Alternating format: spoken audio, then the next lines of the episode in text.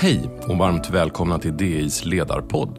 Välkomna säger jag också till ledarskribenterna Tobias Wikström, Henrik Westman och Ellen Gustafsson, ställföreträdande politisk redaktör på Dagens Industri. Jag heter Andreas Johansson och det är förmiddag 20 december när vi spelar in den här podden. Hej, Ulf Kristersson här. På många sätt är det en mörk tid vi lever i. Men nu tar vi ett stort steg för att göra Sverige till en tryggare och säkrare plats. Sverige är nu medlem i Nato. En för alla, alla för en. Där det finns ett samhälle, där finns det brott. Krimrummet är podden som tar brottsligheten på allvar.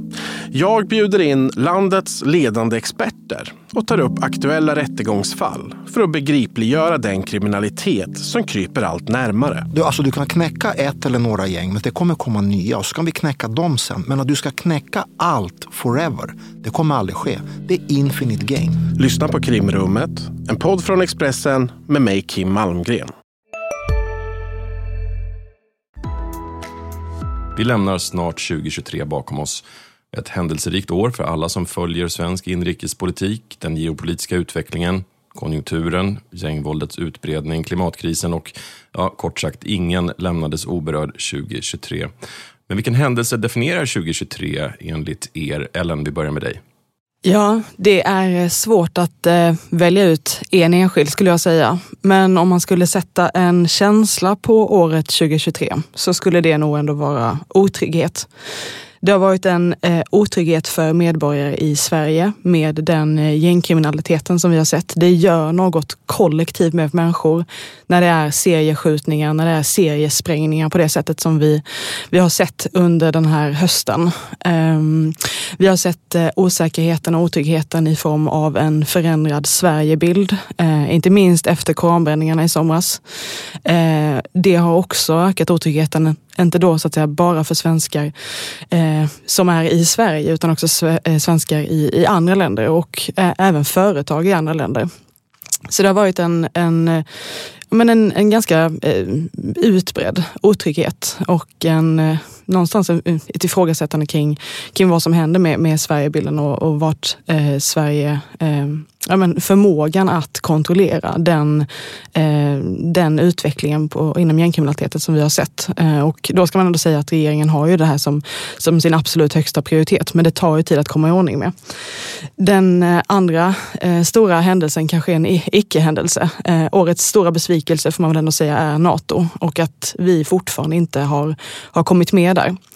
Eh, och sen så måste man också nämna eh, den eh, ja, inflationen och räntan som har jagat den. Eh, som har paralyserat både ekonomin och politiken. Eh, vi har sett hushåll som tar från sina sparkonton som var välfyllda efter pandemin för att betala för de här räntorna. Vi har sett politiken som i, ja, i, i väldigt stor utsträckning förhåller sig till inflationen och inte riktigt vågar driva sin politik på grund av den. Eh, ja, det ska vi säga är tre sådana nedslag. Henrik Westman, vad säger du? Vad definierar 2023? Eh, ja, allt det som Ellen säger, det, det har ju varit ett helt häpnadsväckande händelserikt eh, år. Eh, precis som 2022. Och backar man tillbaka egentligen, alltså om någon, om någon skulle säga till en, säg 2021, att, att allt det där skulle hända så hade man ju Ja, det hade ju känts otroligt deppigt. Men, men vi har ju haft liksom en händelseutveckling som har varit väldigt, väldigt snabb och det har varit väldigt omvälvande händelser. Och eh, det jag tycker kanske att man också ska liksom lyfta fram är ju förstås krigen som pågår. Eh, det senaste då Hamas vedervärdiga terrorattack på Israel och det är krig som sen bröt ut i Gaza och sen har vi då det pågående kriget i Ukraina som snart har pågått i två år. Och där har det ju också hänt mycket under året. Där hade man ju väldigt, väldigt stora förhoppningar på den här vår-sommaroffensiven som Ukraina skulle göra. Ehm, de förhoppningarna infriades inte till följd av eh, enorm minering i, eh, i, i de ryska linjerna. Och det måste man ha respekt för. Eh, och nu har vi ett slags eh, stillestånd faktiskt där i kriget.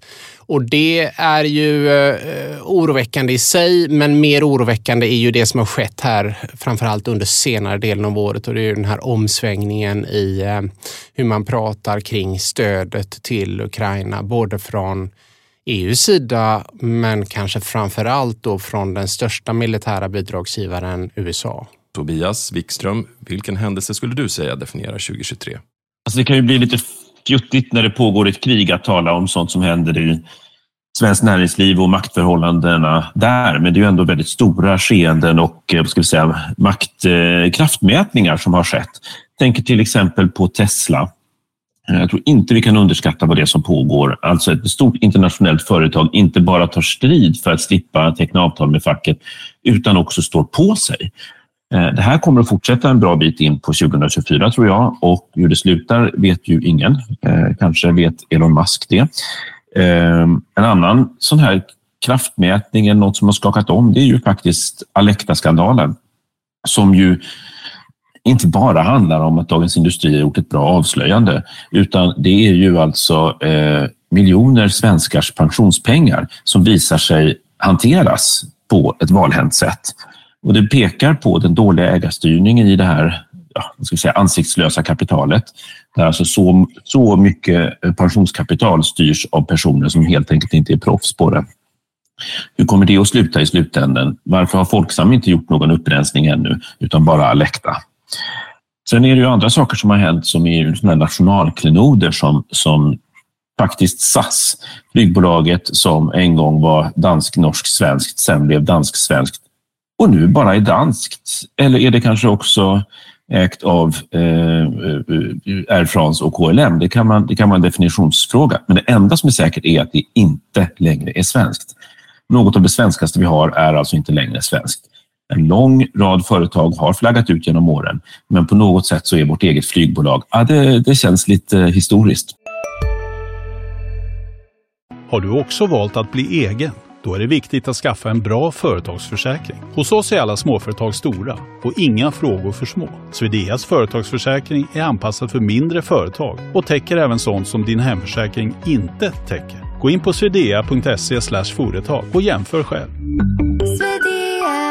Hej, Synoptik här. Hos oss får du hjälp med att ta hand om din ögonhälsa. Med vår synundersökning kan vi upptäcka både synförändringar och tecken på vanliga ögonsjukdomar. Boka tid på synoptik.se. Ellen, otryggheten som du beskriver, osäkerheten kring NATO-medlemskapet, gängvåldets utbredning, hushållens ekonomi. Vilka konsekvenser eh, ser du att samhället får av det?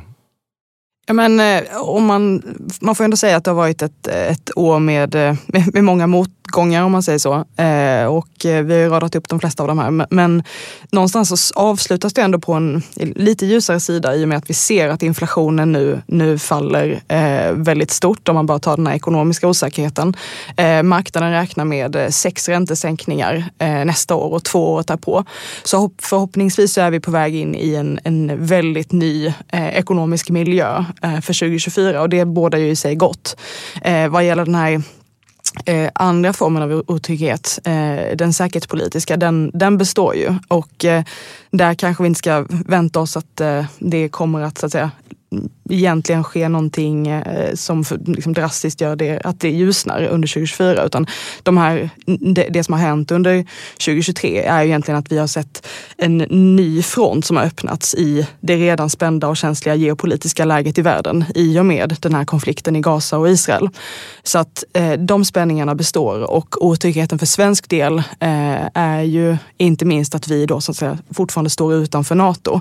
Man talade till exempel i Finland om att när de väl fick gå med så gjorde det någonting med, med befolkningen. Det gav ett, liksom ett lugn. Eh, och eh, jag tror att det är väl den händelsen för 2024 eh, som skulle ändå kunna eh, minska lite grann av den här, den här otryggheten som finns. För det har ju varit någonting i att den har kommit från så många olika fronter. Den har så att säga varit inhemsk med gängkriminaliteten. Den har varit extern med eh, fientliga stater som, som eh, vill på olika sätt förhala då vårt NATO-medlemskap. Eh, och sen så den här förändrade Sverigebilden. Eh, så att eh, vi får helt enkelt hoppas att eh, det, eh, att det förändras lite grann under nästa år i den bemärkelsen att vi faktiskt kommer med i NATO och att Sverige inte är i centrum för den negativa uppmärksamhet på det sättet så som vi har varit under 2023. Henrik, Ukraina och Ryssland lite i skuggan av kriget, Israel-Hamas. Ser du några svarta svanar vid horisonten? Kina-Taiwan till exempel? Ja, är det någonting som de här senaste eh, faktiskt tre, fyra åren har lärt oss så är det väl just att det här med svarta svanar, det, de, de finns och de kommer. Och tyvärr har de kommit ganska tätt eh, också. Eh, det, det som jag eh, tycker faktiskt att man ska ta fasta på det är att när så här mycket, så, så mycket otäckt händer, när taket ramlar in, då händer också bra saker. Eh, och Ellen var inne på det, men på, ta brottsområdet till exempel.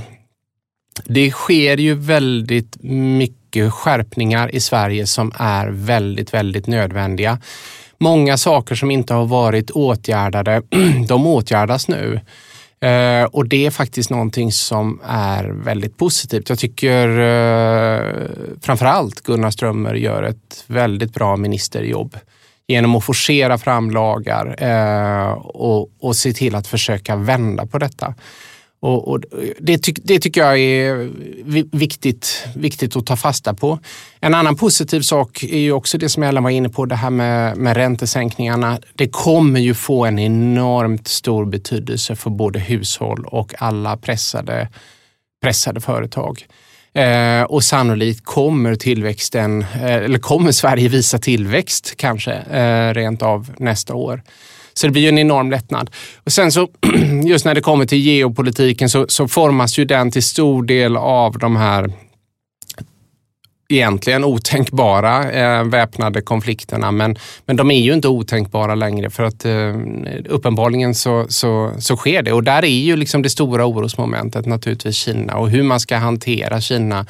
Och kommer Kina invadera Taiwan. Det finns ju många som säger att det här ligger i någon sorts femårsplan för Xi Jinping och eh, att amerikanerna är egentligen helt och fullt fokuserade på Kina som det stora hotet. Att, att Ukraina och Ryssland är någon sorts, sorts sideshow för dem.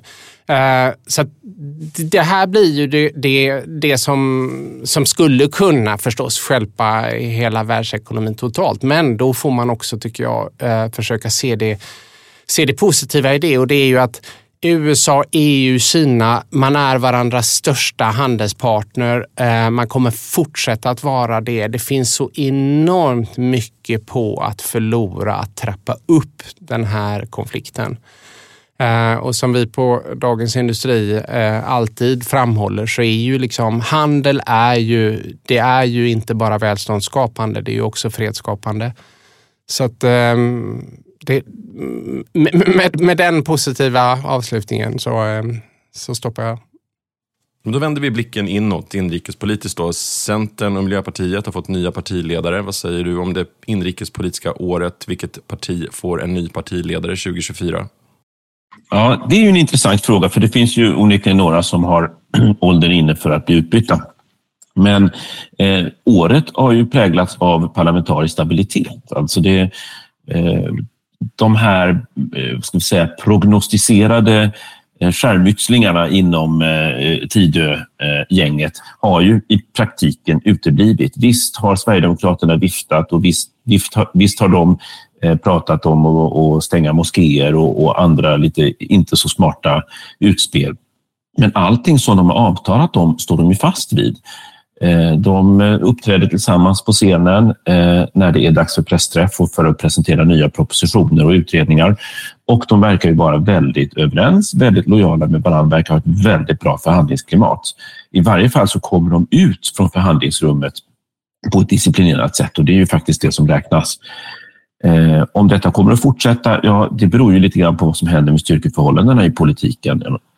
Eh, så det får, vi ju, det, får vi ju, det får vi ju se. Men om något parti ligger alldeles för länge vid 4 spärren eller om till exempel Sverigedemokraterna eh, minskar kraftigt av någon anledning, ja, men då kan det ju hända saker naturligtvis. Det är opinionsmätningarna styr ju väldigt mycket i svensk politik.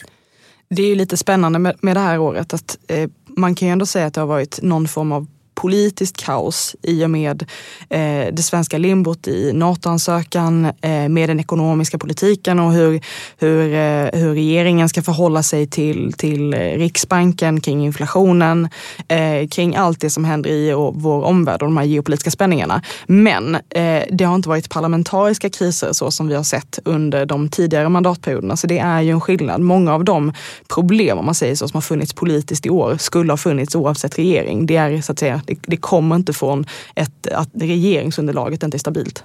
Eh, ja, och om man lyfter blicken och blickar, blickar utomlands vad gäller utländsk politik så har vi ju faktiskt det här eh, presidentvalet i USA i november eh, nästa år. Och det kan ju så att säga vara, vara en positiv sak och det kan också vara en jordbävning för för hela, för hela världen faktiskt. Mm. Om man ska sätta en händelse för 2024 på förhand så är det ju USA-valet eh, och vem det är som vinner där. Eh, vilket också är intressant. Eh, jag läste att i kongressen då så har man, eh, man har liksom förslag om att eh, presidenten eller en president inte ensamt så att säga ska kunna dra ut USA ur NATO. Så att även där finns det en, en förberedelse för, för Trump 2.0 om man säger så. Tobias, är det konsensus Trump 2024? Är det den viktigaste händelsen nästa år? Ja, eh, oavsett höll jag på att säga, om Trump förlorar eller vinner så är det ju en jättestor händelse. Men eh, om Trump vinner, det påverkar ju väldigt, väldigt mycket. Eh, det kommer nog också hända en hel del annat som kanske i skuggan av eh, Trump-valet eh, också kommer att eh, påverka. Det är många val som sker runt om i världen. Eh, också när det gäller Sveriges NATO-medlemskap så kan det ju röra på sig. Eh, det har ju blivit mycket, mycket tydligt Eh, Eh, på senaste tiden att eh, Sveriges NATO-veto från Turkiet, från Erdogans sida, det har med de amerikanska flygplanen att göra. Där kan det ju hända någonting. Sen är det faktiskt en väldigt intressant sak som händer den 1 juli 2024 och det är att Ungern av alla länder blir ledare för EU. Jag har svårt att tro att de vill ha kvar en sån här fråga eh, som det svenska eh, NATO-medlemskapet, även om det inte har med EU att göra formellt sett, Därför att det här har ju så väldigt lite att göra med, med Ungerns eller den, det ungerska regeringspartiets mission, så att säga. Den passar ju liksom inte in i detta eh, och att de skulle, att de skulle blocker, fortsätta blockera detta. Så jag tror att där kan det hända någonting under det kommande halvåret. Tack för det Ellen Gustafsson, Tobias Wikström och Henrik Westman. Missa inte våra andra poddar, Digitalpodden, Makrorådet, Analyspodden och Stormens öga. Ansvariga utgivare är Peter Fällman och vi är tillbaks igen nästa år.